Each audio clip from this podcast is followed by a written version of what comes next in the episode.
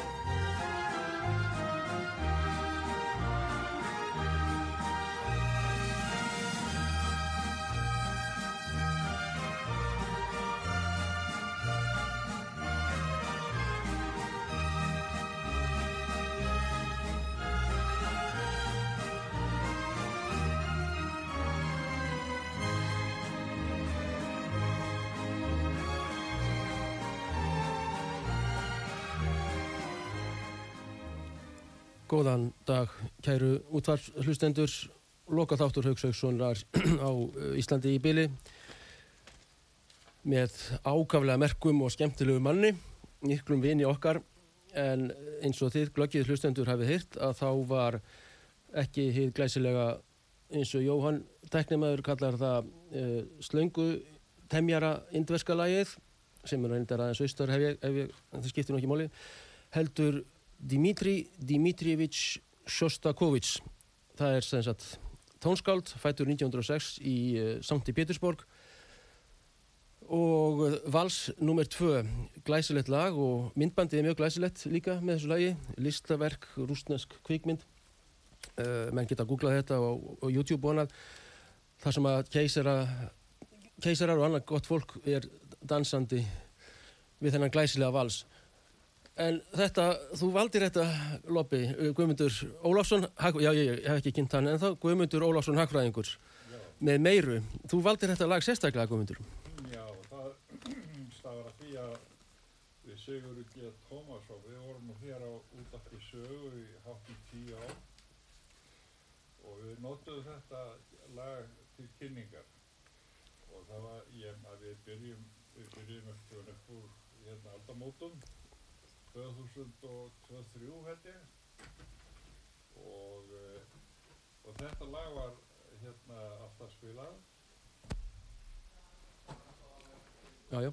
og hérna það var ekkert mjög þekkt á þeim tíma en nú er þetta orðið held ég eitt af þekktust og vinsælustu uh, verkum Sjóstakovits en uh, Saga Lagsins er uh, aldrei skemmtileg, hún hérna, hann semur grunninn af þessu snemma 39 held ég, en, en síðan er lægið tekið upp í kvikmynd sem heitir hérna Björfi Echelon eða Fyrsta Víglína og fjallar um unga stráka í Kazakstan mm -hmm. sem eru með kústsköft um uh, axlir að leika hermenn. Og þetta er Fyrsta Víglína svokullu og hérna það er þessi fyrsta výlina sem er nú eru fjall, eh, fjallar um stríðið en það er náttúrulega mönnum hugleikið uh, í Rúslandi og þess vegna er er, er þessi, þetta lag það, það hefur þáttið flóknar minningar en það hefur náttúrulega sérstakar minningar fyrir okkur Sigur G. Tómasson því að við vorum hér og spiluðum þetta alltaf Já, já. það var svona nú en, en, en Sjostakovits, ef við kannski að tala aðeins um hann. Já, eða hvað vildur segja, bara þú með frjálst, frjálst hérna sviðið. Já, hann er náttúrulega uh, eitt af merkustu tónskáldur rúsa á fyrir hluta 20. aldar. Mhm. ég sá hann einu sinni og Nú það var í, já, ég sá í Marinski fyrir tilviljun þá fór ég þanga það var uh, einhvert kynningar uh, einhvert kynningastand ég mann og ekki hvernig það var en ég allt í einu var ég satt held ég á Nú hvað? og, og hérna allt í einu stóð allar á hættur ég skildi ekki, ekki til því. Svo er það gamalt maður sem sest svona 10-15 metrar frá mér. Og svo sá ég þá eftir að þetta var hérna Sjóstakovit sjálfur.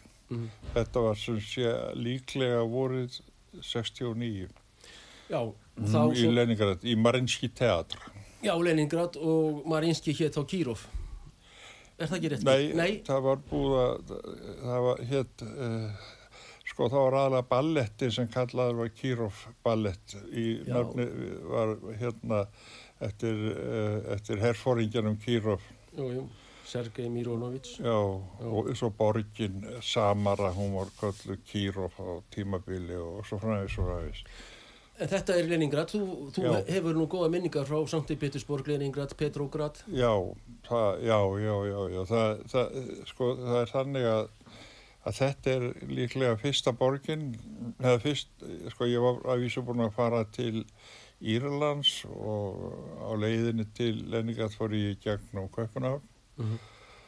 en, en flög síðan í gegnum hérna austur Þískaland, ég minnir hann heiti Fræi Bahnhof í Bahnhof flugullurinn í Berlín, austur Berlín Sjönefeld, Sjönefeld, já. Fögru vellir. Sjönefeld síðan til, til Púlkóu og þar var enginn til að taka mótu mér því að þeir held að ég færi til Moskvu.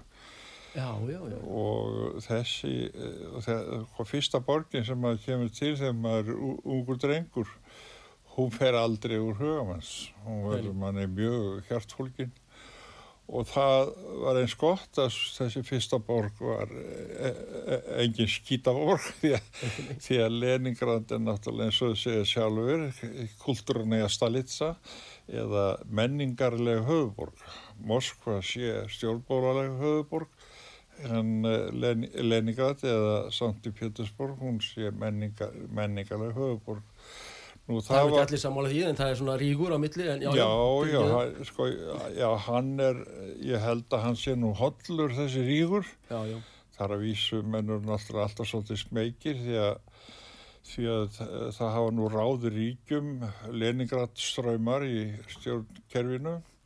Eh, Þeir félagar eh, Medvedev og, og, og Putin að þeir hafa ráði ríkjum núna í 20 ár, 23 ár og, eh, og þetta er í framhald af því sem að gerist, uh, hvað ég maður segja, uh, svona 1988 þegar að haldinni þjóðafundur í, í Rúslandi þegar að menn ákveða að breyta einsum reglum eins og til dæmis að, að það skuli vera kostnir borgarstjórar í stæðstu borgum og það er, það, það er svona uh, partur af líðræðisþróuninni í, í, í, í Sovjetiríkjónum sem leiti síðan til þess að það var kosin borgarstjóri í, hérna, Leningrad og hann, það er verið eitt af hans fyrstu verkum að, að láta borgarbúa kjósa um nafnið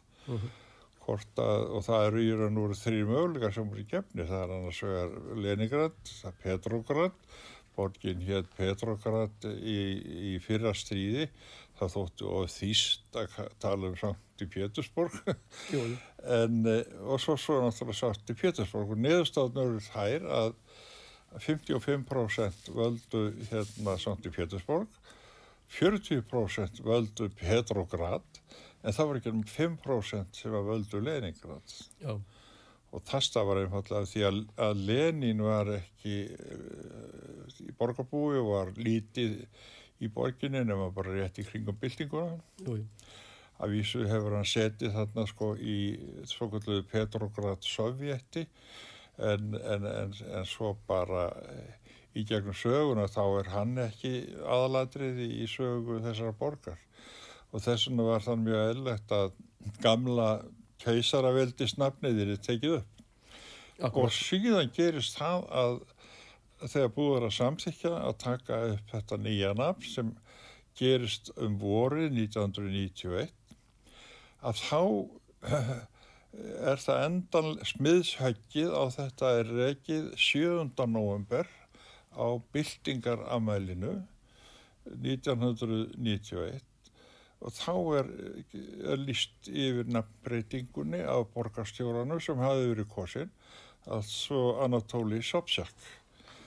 Og það sjá allir hvað menn er að meina. Það er verið að sparka það er verið að sparka kommunistálfakkin og þetta eru svona fyrstu uh, skrefin sem menn er að þróa í Rúslandi, að þróa sig frá hinnu kommuníska allræði yfir í einhvers konar líðræði sem þeir hafa búið til, bygguð til á þessum fyrstu árum eftir breytinguna 1991 en uh, síðan þegar að, að hérna það lág í borða að, að, að bandarískum hagfræðingum tækist að kaupa Rúslandi sem að segist þetta var með Alaska að, að, að þeir koma þarna í stór hópum. Það er uh, Jaff- Jeffrey Sachs bandaríski hagfræðingurinn hann hafði sko for, var þeirra fórsvarsmaður og um, og hann hefur líst þessu mjög vel núna að undanförnu sérstaklega.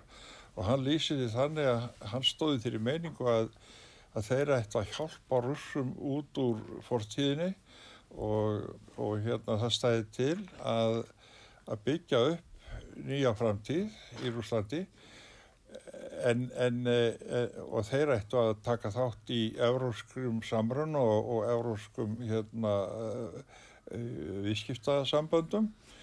Síðan eh, þarna voru eitthvað um 15-20 hagfræðingar með í þessari grúpur sem var að vinna að enga væðingur Úslands í að rauna skyndi enga væðingu eins og það var nefnt. Já, já. en, en þarna var til dæmis Þorvaldur Gilvarsson með í för eftir því sem hann sjálf, segi sjálfur. En uh, hann hefur nú reynda svolítið aðra skoðanir á þessum hlutum heldur en Jeffrey Sachs. En núna segir Jeffrey Sachs að þegar að því kom að taka við rússum inn í vestræn samfélag eins og hann hafði alltaf skilið þetta þá þver neituðu bandaríkjumenn bandarí stjórnvald Já, og þá var aldrei hugmyndin svo að þeir ættu að fara að njóta sín á alltíðamæri hvarfi í, í, í hérna huga bandaríkra stjórnvalda heldur átti að reyna að splundra ríkinu og, og hérna og þannig að vestrænir aðlar gætu nýtt sér að auðlindum og mannabla í Rúslandi. Já, Það var sem sé, það var sem sé bara venjulega nýlendustefna sem að lága baki. Og, og þetta fjall uh, Jeffrey Sachs ákálega illa og hann hefur verið að gera upp sakirnar við þennan tíma núna uh, í, í fréttasendingum sem að tengjast til dæmis Úkrænu að því að, að, því að, að, þetta er náttúrulega líki latri hvernig Sovjetiríkin uh, sko slitnaði sundur og, og hvað tekur við? Nú, nú, nú það er það er nú sko uh, eitt af því sem skiptir hann að máli er það til dæmis að að Úkræna sem hefði verið hérað í, í Sovjetiríkjunum það var ákveðið að þetta hérað að það fengi status innan saminuði þjóðana fekk að vera til dæmis í öryggisráði saminuði þjóðana og svo framvís og hugsunin var svo að að rússar þyrfti eitthvað í mótvægi við bandaríkjumenn sem hefðu Bretland og Nýja Sjáland og Ástrali og Kanada. Og það verið ekki sangjand að rússar hefði ekki eitthvað svipað á móti.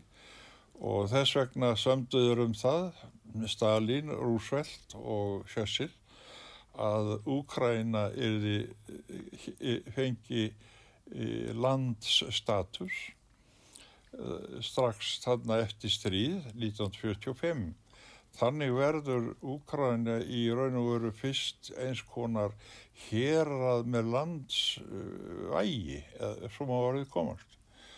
Og það er ekki fyrir löngu síðan sem að uh, þegar Sovjetríkin klopna upp að Úkræna verður sjálfsætt ríki og það gerist ekki fyrir um hausti 1991.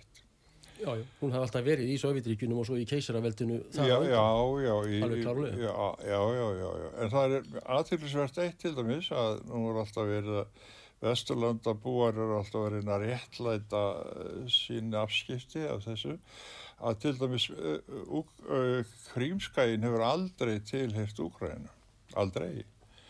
Og áður en að, að rússar tóku þar yfir 1770 eða þar um bylg þegar hérna, Patsjómkin leggur mm. skagan undir veldi Katrínar Miklu að þá, uh, þá höfðu Tatarar ráði og ottomanar mm. þeir höfðu farið mjög öll þarna en rússar höfðu alltaf verið sterkir og Tatararnir sem að uh, réðu á Krímska þeir voru að hluta til austan og Tatarstan þannig að, að það er náttúrulega frálegt að, að Krímskagi hefði eitthvað tíman heyrt undir e, vestur Úkrænu eða eitthvað sem þar var.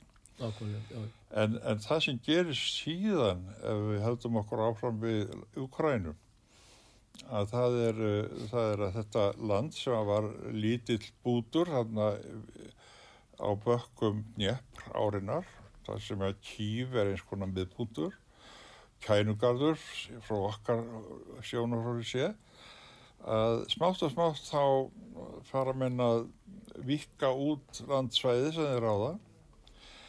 Og uh, þetta er nú laung saga því að uh, þannig er skorinn hlutur af Moldav Moldaví og Rúmeníu og líka á Tjekkoslovaki, það eru smá bútarteknir. Nú, menn gleimaði stundum að 1939 þegar að, Hitler eða þegar að Þíski herin aðeins inn í Póland að þá réðust sovjetmenn líka inn í Polland að austan. Já, já.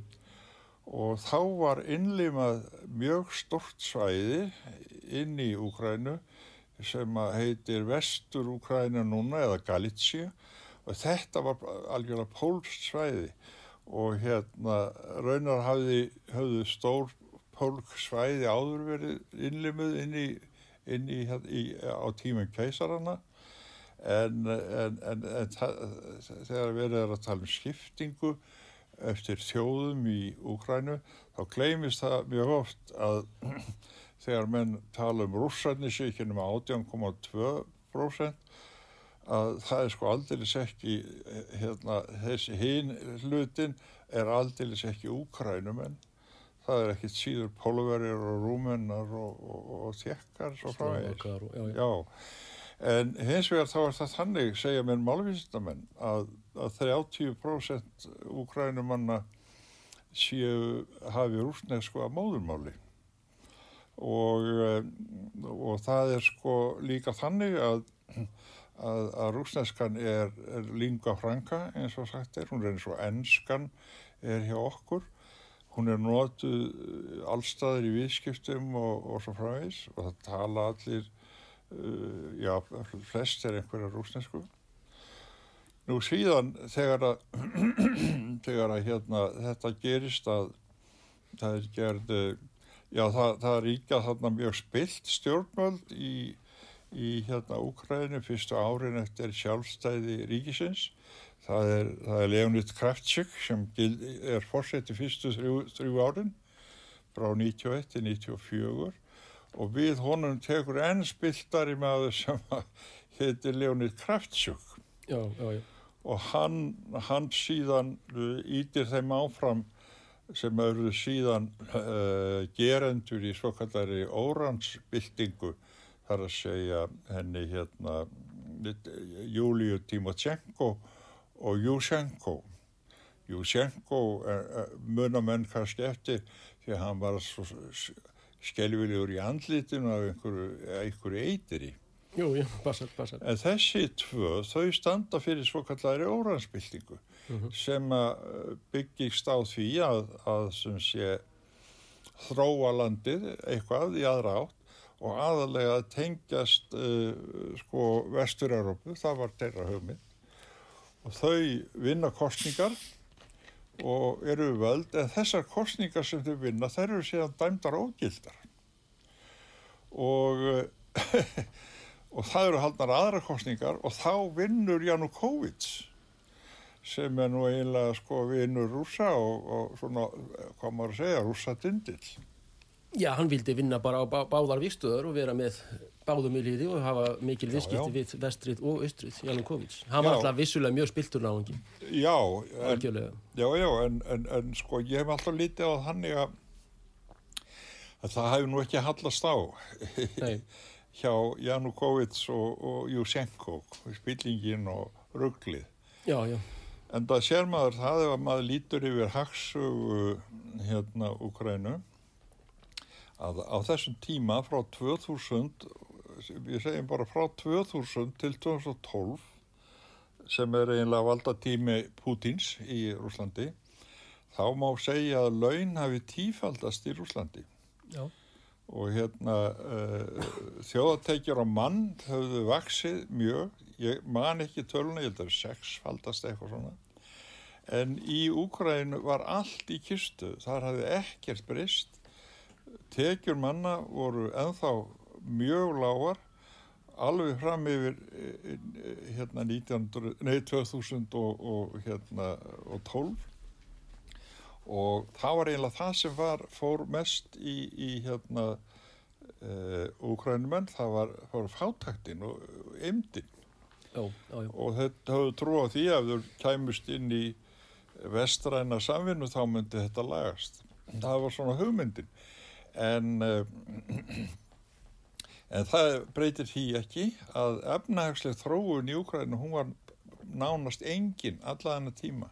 Meðan að rússarnir voru á byllandu upplið já, já það má segja það að, að, að sko, það, sko það er styrkur Pútins og Medvedev að þeir hafa stjórna landinu þannig að, að hérna þeir hafa orðið ríkari.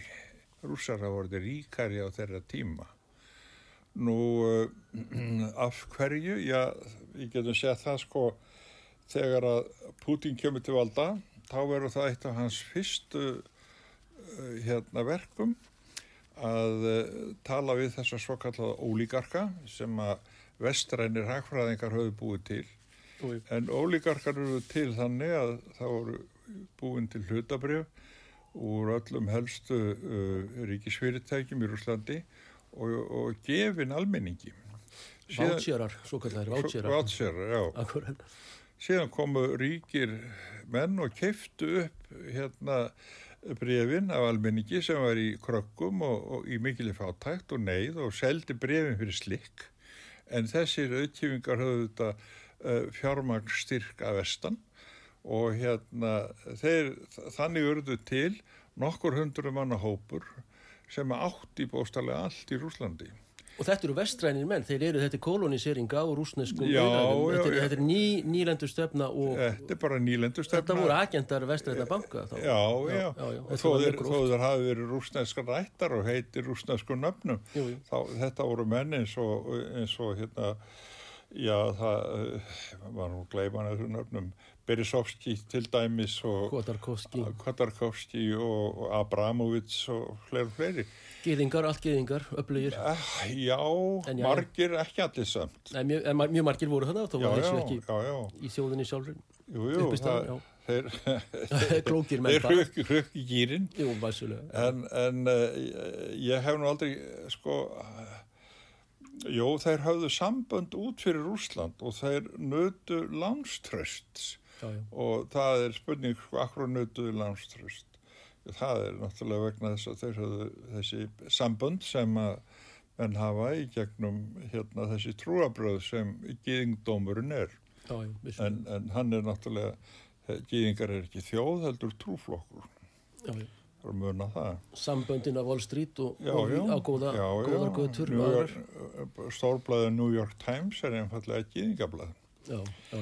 Sterkir Nú- í pressinu líka, akkurat. Já, en það sem gerist hins vegar uh, þarna í lok uh, aldarinnar, 20. aldar, að Pútín kemst til valda og það er einlega bara, uh, já, sömur myndi segja að það hefði verið fyllir í sörökli í, í helsi já, að skipa hann fórseta. er þetta sig? Já, og hérna, en, Hann, það, já, já, fyrir en hann, hann, það er hans fyrsta verk að hann setur þeim skilirði, já, þessum ólíkurkum. akkurat. Og hann segir bara annarkort leggi þið samfélaginu til með eðlilegum hætti eða þið farið. Já, já, Og þið með halda ykkar auði, þið getur farið með peninga úr landi en, en þið, ef þið ætlaði að vera áfram í Rúslandi þá verður þið að leggja til með eðlilegum hætti. Því að, því að Rúsland er fátækt land. Og það er, er, er sko honum tekst að samina menn í þessari línu sem hefur þessi rosalegu áhrif að Rúsland bókstaflega blómstrar. Sko þegar ég er í Leningrad 1968 til 70 þá, uh, þá, þá er mikil fátækt í landinu og uh, það er að gróa yfir sárin eftir heimstyrjöldina. Í Leningrad höfðu búið eitthvað um fjóra miljónir manna fyrir stríð. Það er hérna ein, er og hálf miljón sem deyr, annarkort á hungri eða í stríði, í stríðsátökum og uh, ein miljón fer um sátrið, já, já, og það er ein miljón sem lifir eftir stríð. já, já, já, Það er bara svoleiðis og þetta eru náttúrulega einhver ægilegustu öllur sem eh, nokkur borg getur lendi í. Já, Ég vissi ekkit um þessa sögu fyrir eftir að ég kom frá Leningrad já, og þá fyrst fór ég að skilja hvers vegna drottin hafði sendt mig til þessar borgar. Glæsilegt, mjög, mjög góð. vegna þess að, vegna þess að ég vegna þess að ég þakkaði Guði fyrir að hafa ekki verið sendur til uh, Los Angeles eða eitthvað svoleiðis Já, já, akkurat. en, en það sem að hérna uh, það sem að ræður nú för þarna eftir þetta þegar að Putin uh, er við för hann er, já það er nú rétt að nefna það að Putin er hins vegar undaneldi uh, Anatoly Sobchak fyrst, fyrsta borgarstjórans í Leningrad sem lætu breyta nafninu aftur í Sankti Pétursborg.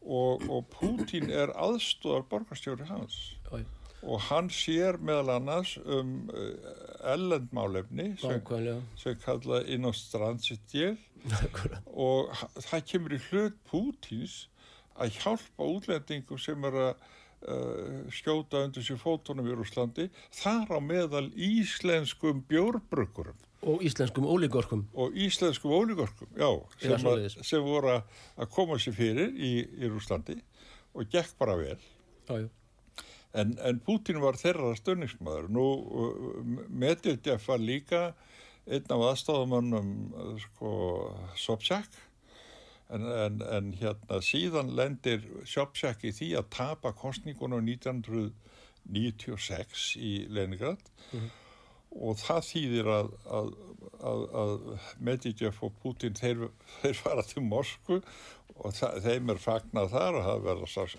valdamenn innan löglunar og svo framvegis.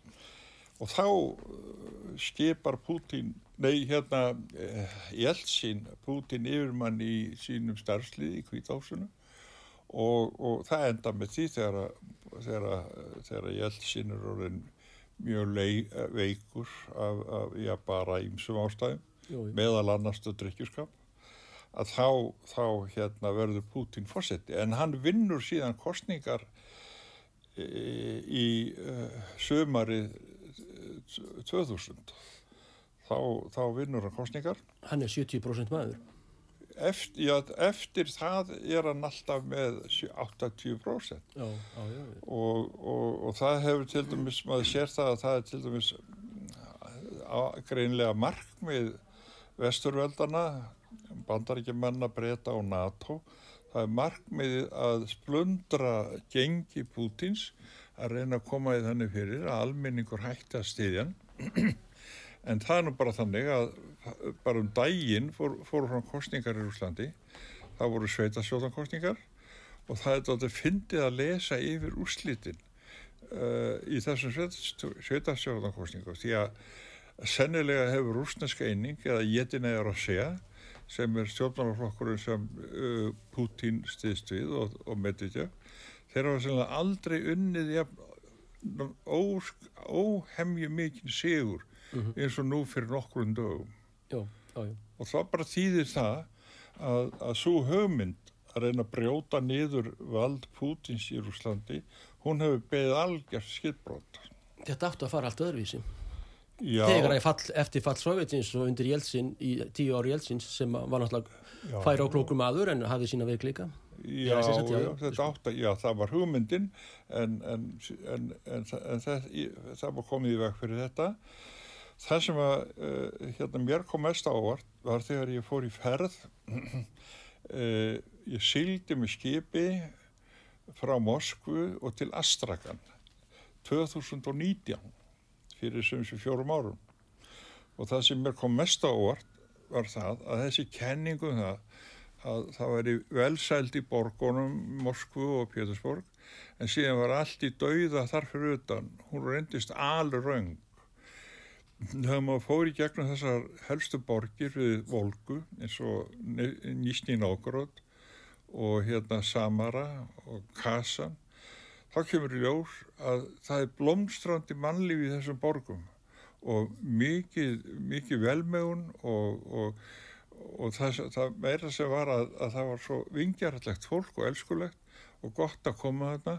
Nú það var, nú þarna rétt áður hafði verið einhver fótbolltakefni og þá hafði fleiri þúsund Íslandinga komið til Úslands og ég, ég heyriði aldrei e, ekki einasta Íslanding tala illa um Úsland að þar væri vondirmenn og svo leiðist Þeldur þvert á móti. Virkilega gott fólk og flott menning já, og já, já, og, og. Og, og ánægileg ferð eh, hjá mér og konu minni þegar við fórum hann að stöðu til Astrakan.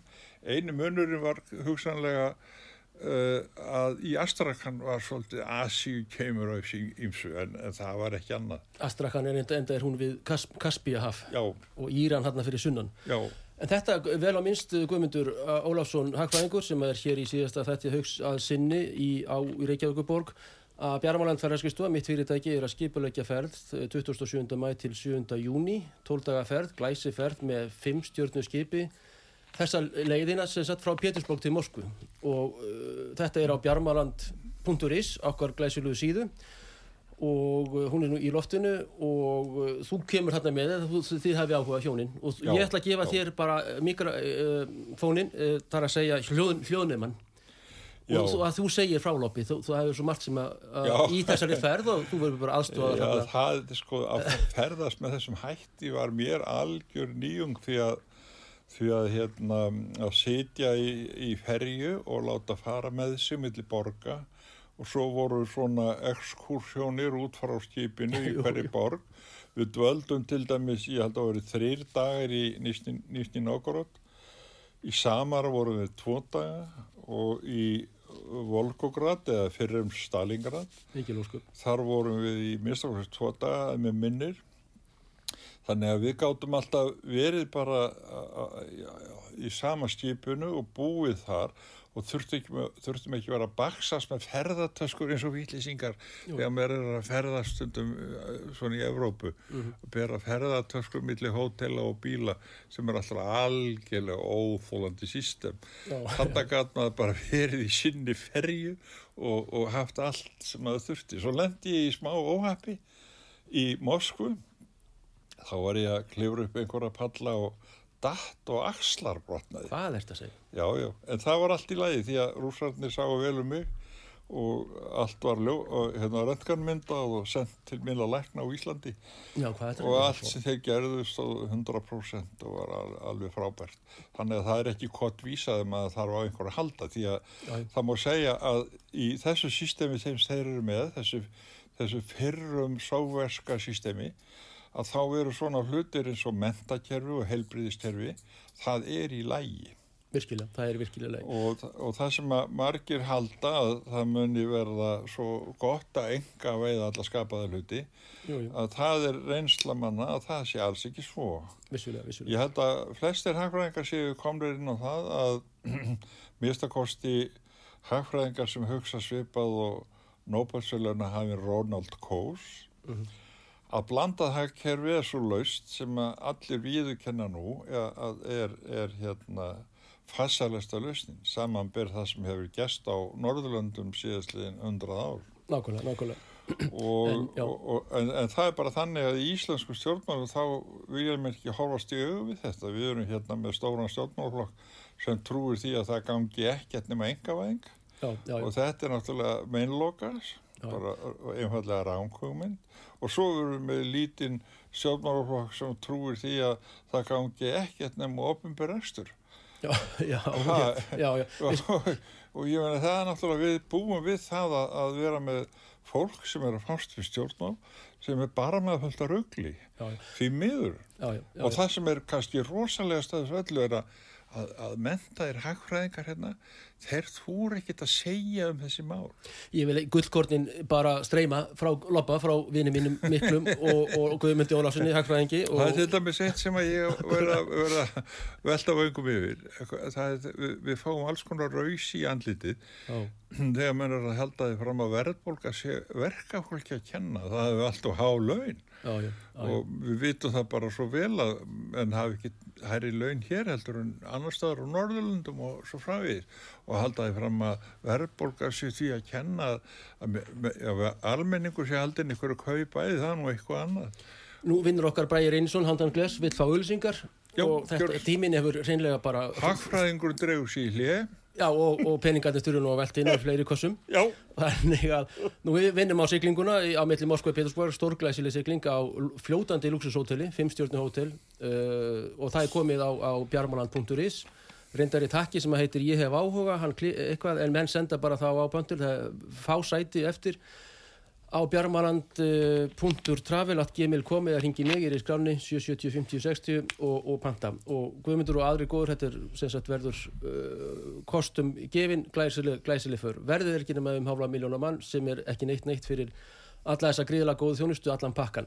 Nú, ölsingar, bræði minn, fyrir ekki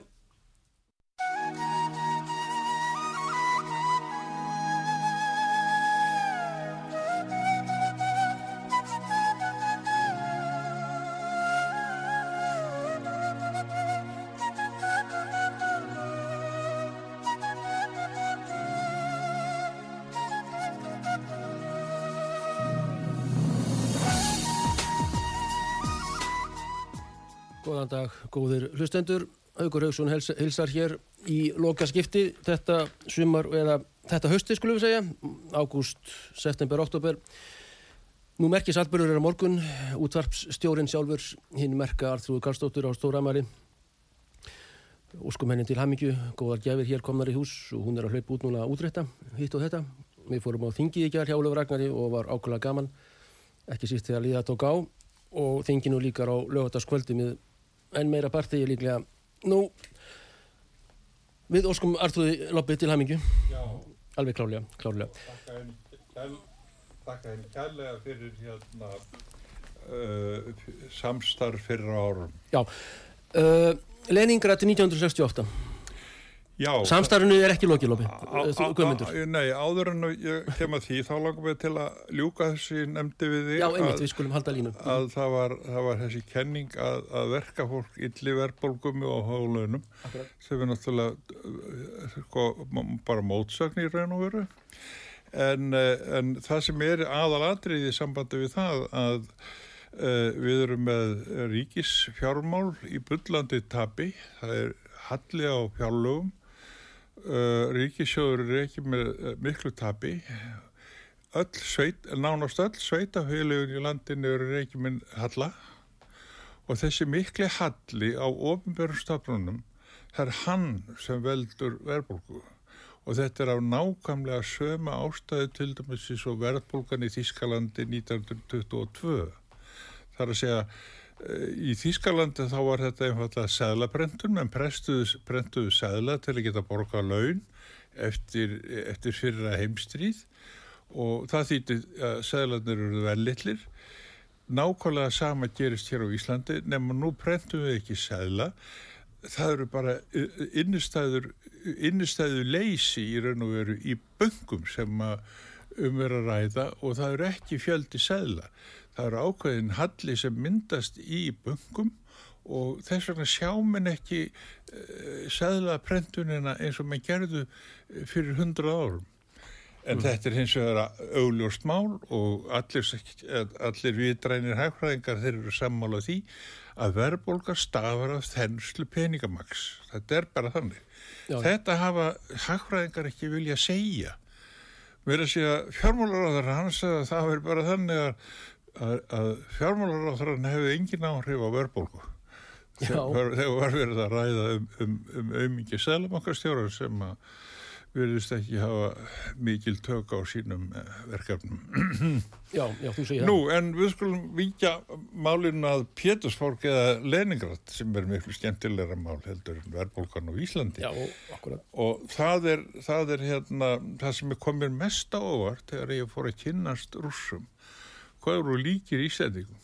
Því að það var, það er, sko, þó að tungumálinn séu ólík eða ekki ólík það, það er, hvað maður að segja það er, það er svona það er svona uh, smá spotti millir tungumáluna en þau eru nauða lík ef, að, ef í, í það er farið. Það eru mörg nöfn í rúsnesku sem hefur norræn Oleg og Ivan og allt þetta þetta er allt meira meina svona, Helgi Hræreikur Rúrik, það kemur aftur til Íslands í Rúrik. Já, já, já, það þýðir hræreikur fyrir gefið að ég tröflu hérna.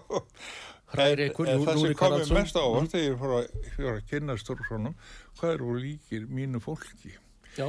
En, en það, ég þarf að útskýra það því að ég er bara venilegur verkamannssónur úr Reykjavík. Mm það er minn vann í mjölkursansöluna mestan part sinna yfi fyrir utan nokkur mánuði sem hann vann sem fangavörður við skólaverustík á nýjunni Já, en hann kom heim eitt goða með dag og sagðist að það þurfa að taka á mönnum, hann var stór og alrendur og afli og þegar, að, þegar að hann kom heim þennan dag þá sagði hann ég get ekki í staði því að slástu krakka.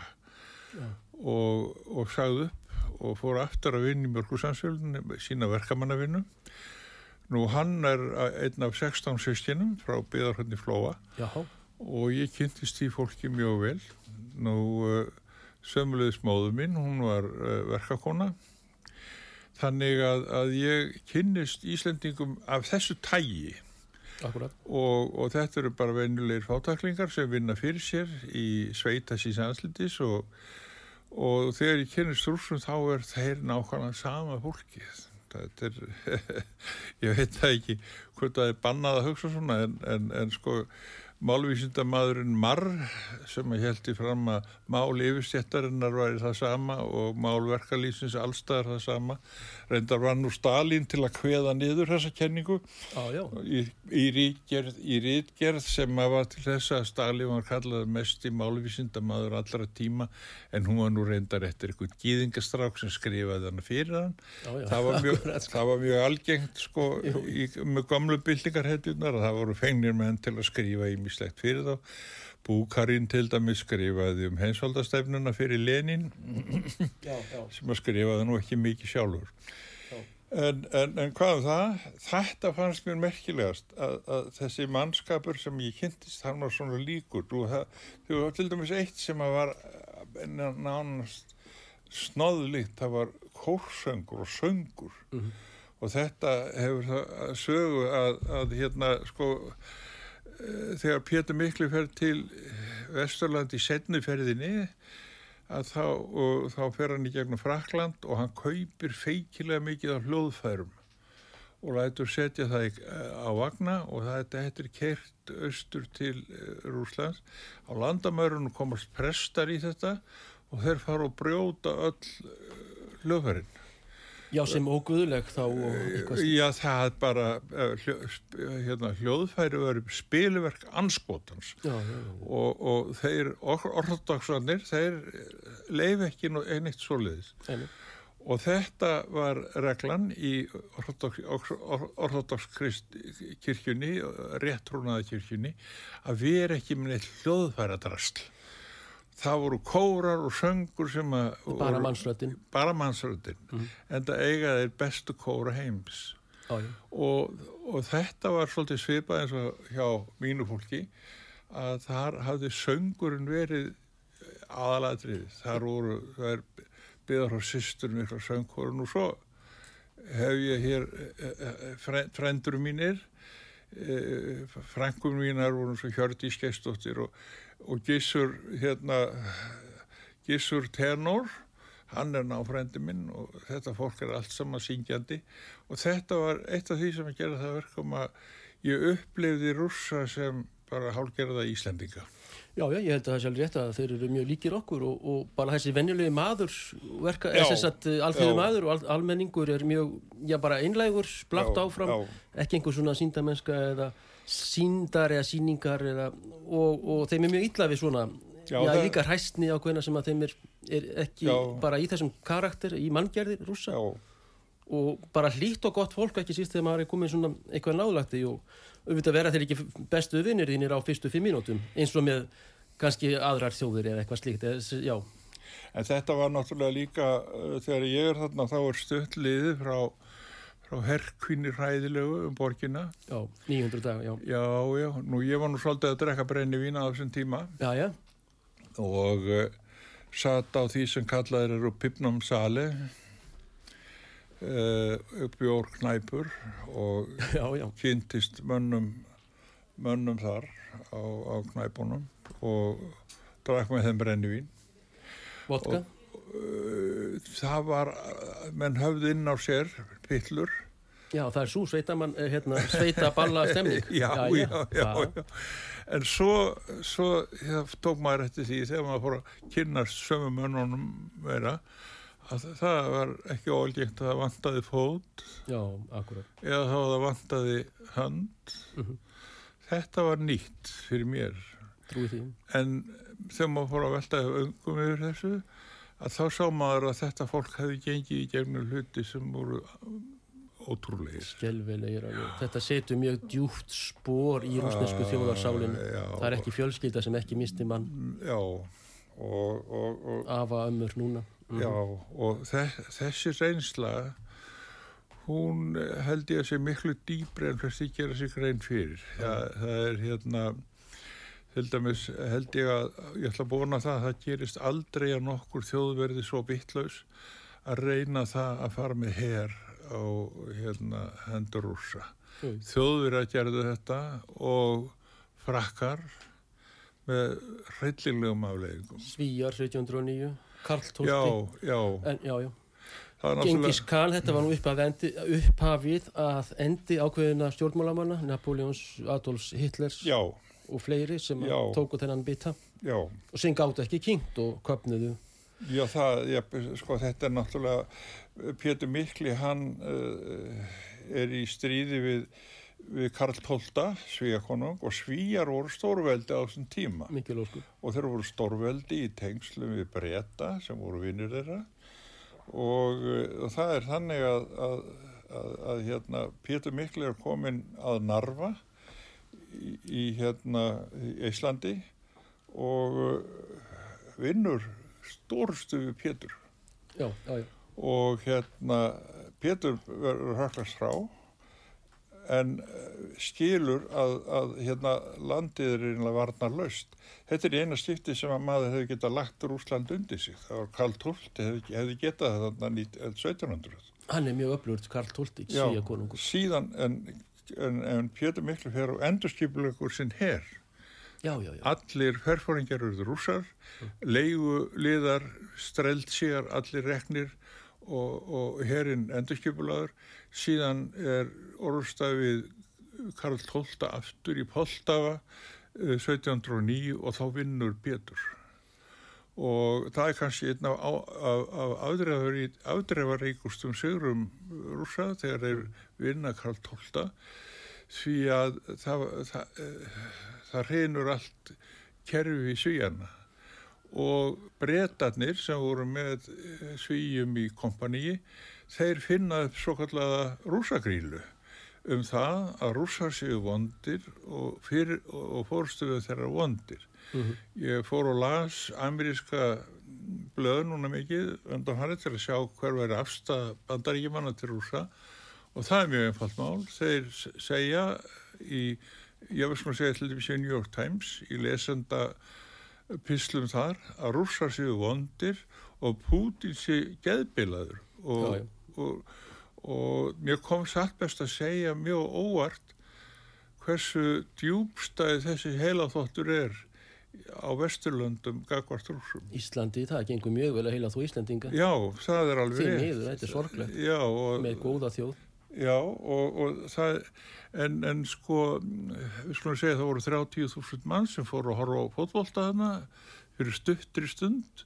Eh, Ég veit ekki hvort að þetta endist, en, en hérna það sem eru náttúrulega vandin hér á landi, það eru fjölmiðlar, Já, að þeir eru algjörlega, ja, þessir aðalfjölmiðlar, þeir eru uh, reknir af um, fólki sem að hefur engan metnað og er jável sko í saknæmu rugli Já, já, algjörlega. því miður, þannig er bara, Algjörlega, algjörlega. Hver, hverju voru stúdendar í Petersborg í LGU, LGU, Leningradski Góðsuniver?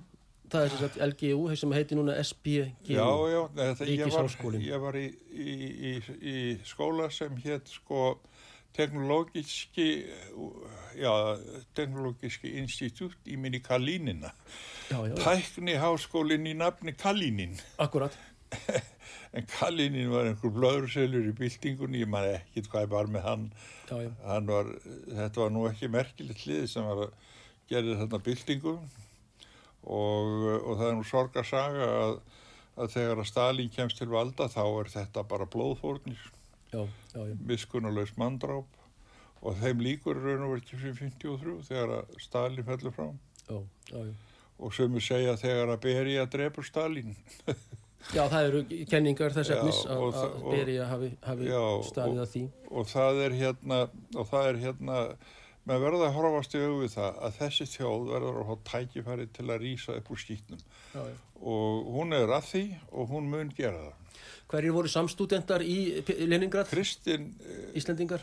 Kristinn Einars og Jörfræðingur, hann var eh, með mér hana, Já. en, en það sem var kannski hefur eh, enns lengst og það er það að Helgi Haraldsson sem nú er, var professor í Oslo, hann var með mér hennar vetur og er, var kannski merkast í e, rúsnesku kennarin sem ég hef haft. Já. Hann hefur síðan samið rúsnesku íslenska ke- e, orðabók Jú. norsk rúsnesk orðabók og, og teknesk íslensk orðabók. Þannig að þetta er einhver afkastamesti orðabókamaður uh, í heimi, ég mér að segja. Og þessar orðabækur eru svo velgerðar að þær munu verða heimild um tungumál næstu árhundruð. Já, já. Það er bara þannig. Kemur Helgi frá Prag þá, frá Tjekkoslovakja? Já, njá, það er- það er nú eitt sem svo merkilegt. Hann var að kenna einn veturnorður á Akureyri. Síðan á Ísafjörði hjá Jóni Baldur. Já, Já, já, kom, á, það- kom fram. hann var norður á Akureyri og, og ég tek síðan stúdensfrá árið eftir að hann var þar þannig að við kynntumst þar síðan þegar hann kemur frá Úsland þá var hann kenna á, á Ísafjörði og ég var einn vetur á Ísafjörði með Helga Nú, nú, nú, hjá Já, Jóni Baldur þá, í, Ha. í MI. já, Já, hjá já. Jóni Baldvin Já, akkurat, sko, já, já. síðan gerist það setna að, Jón Baldvin hann réði mig í utanriksráðaneti þar sem ég var að vinna fyrir Jón Já, glæsilegt. Og, og síðan fó- var ég, fór ég að starfa við Háskóla Íslands og það var minn starfsvettangur í, í hérna 30 ár að vinna við, við háskólakenslu í Háskóla Íslands og Bifröst og hérna alveg til, til sjöturs. Hvað heldur, jó, Guðmundur Ólafsson, Loppi, hva, hvað heldur að þurfa að gerast í Úkrænu? Þú veist, er þetta búið spil? Þetta er búið spil, það er er spil. mál, já. Sko, það eina sem ég er hættur um hvort að, að bandaríkja mun, muni grípa til óindisúrræða, hvort að þá muni grípa einhvers konar, eh, einhvers konar, einhvers áðbóð. Þeir eru búinir að tapa þessu, þetta er, eh, þetta er þannig. þeir eru búin að, það er búið að forna þarna hundruðum þúsunda mannslífa og, eh, og það, það vestæði það að þetta var allt óþart. Já. Það var strax, strax eftir valdaránið uh, 2014 að þá var, voru samningar gerðir í Minsk Nú þegar þeir voru borðnir undir stíkisjörn í, í kænugari þá var ég hafnað. Svo voru undirritaði samningar í Minsk í, í, í januar 2015. Það voru bara undirritaði samningar, samþyktir af stjórnvöldum Já. og þetta voru samningar sem voru gerðir af, með milligöngu þjóðverja. Já. Og þegar þessi samningar lág á borðinu og komið með var með þá til hérna uh, kænugars þá var samningamennum sagt að bandaríkjamennum sætti sig ekki við þessi samninga. Já. Það var bara svo leiðis. Eitt samningamæðurinn var drepinn hreinlega. Skotin á, á, á, gangi Já, það, já þetta gerist... Eða. Já, þetta Láð það í blóðu sín. Já, þetta gerðist, skal ég segja þér, í Tyrklandi. Já, Það voru samningar í Tyrklandi 2021 og það var búið að semjum frið en það var ekki búið að ganga frá pappirum og þess áttar en, en, en fórstum að samningarnemdarinnar ukrainsku, hann fannst skotin í höfuð í, í hliðarkvötu uh, skömmu síðar og ekkert var það neinum friðarsamningum. Bandaríkjaman hafa komið í vekk fyrir samninga allan tíman. Já, já. Þessi átta ár þegar að var verið að, að hérna, ráðast á rúsneska minnilutan í, í hérna, Úkrænu, þá hafa þeir hérna, auðsið hérna, ólja og eldin og hérna málið er þannig að núna að, að þessu, þetta er, þetta, er, þetta er búið, það verður ekki meira gert þarna. En hversna, Guðmundur Ólafsson, hagfræðingur, heldur að Vesturland sé ekki áhuga samari um samninga? Það er ekki, ekki bofs frá höfuborgum allra Evrópuríkja og, og auðvitað ná Norður Ameríku. Já, það er eiginlega ekkert svarur annað, annað en bara það er eins og við Íslendingar við hérna það 2014 þá slítum við sambandi við Rúsland og hættum að selja þeim fisk. Af hverju var það? Já, það er sennilega bara tekningaleysi. Nú, af hverju er uh, íslensku sendir, sendiráðinu í Moskvu loka? Já, ég held að það sé fyrst og fremst tekningaleysi, alveg botlaust tekningaleysi og, um, og það er í sjálfu sér ekki hægt að segja neitt um það en það er eitt af því sem ég gleyma alltaf að við talum um það til dæmis eins og Jón Baldvin í ykkar ágæta þætti sem er hjá okkur um daginn. Takk fyrir það. hann talaði um það sko að menn verða að lítil ríki verða að leita sér bandamanna. Og það allt er rétt um það en NATO aðildin hún snýst ekki um það. Það er nú einfallega þannig Já, þegar menn gengu í NATO þá var það af efnahagslegum ástæðum menn rættust það að ef menn fengju ekki stuðning frá bandaríkinum og aðgöngu að markbuðum þar og í Breitlandi þá er ég búið með Íslands ef, efnahagsmál þetta var, þetta var ekkit annað business og kom herrvend ekki neitt við En Sovjetmenn bjarga okkur raunlega bókstaflega Ólafur Ah. sagði 52. elska mig, elska mig góða. Þegar breytar setja okkur happan að þá, þá hérna bjargar rússar okkur. Og hafa gert það fyr, í, í fleiri skipti. Já. en við höfum ekki kunnað með þetta. Og nú er stað okkar mjög slæm Það væri gaman að fá að spjalla við ykkur um Evropasambandið en ekki gefst tími til þess en, en eh, vonandi að við fáum að spjalla saman meira og aftur á Skype til dæmis. Þá myndist þú sitja hér og ég frá Moskvu eða Sýberíu eða hvað sem maður er statur í veröldunni en það kemur allt í ljós með tíð og tíma. En uh, það vona á því að þú og þín ágæta kona komið í siglingu í lok mæ 12 dagar sigling, mjög glæsileg ferð í fimmsta stjórnu fljótandi luxushóteli á milli Moskvu og Pétursborgar. Nú komið við á eigum og þarna sveitastöðum mjög mismandi Bjarmaland eh, er í loftinu, bjarmaland.is, þar er þetta allt. Nú, eh, Braga, Reynisinni er þökkuð glæsileg stjórn, Guðmundi Ólafsinni er þökkuð koman. ég þakka fyrir og flýti hlýð kveðju til Sigur ekki Tómassonar Já, við byrjum ve vel að helsa honum og þökkum útvarsstjórninni einnig og hittust heil kæru Íslendingar og lifið heil og við óskum öllum heimsbúum fríðar, samstu, samvinnu, uh, að tala saman, að ræða málan, að semja, að hætta stríðsátökum og börnum Palestínu eru sérkvæðir uh, sendar hér frá okkur félögum og fleirum. Takk fyrir.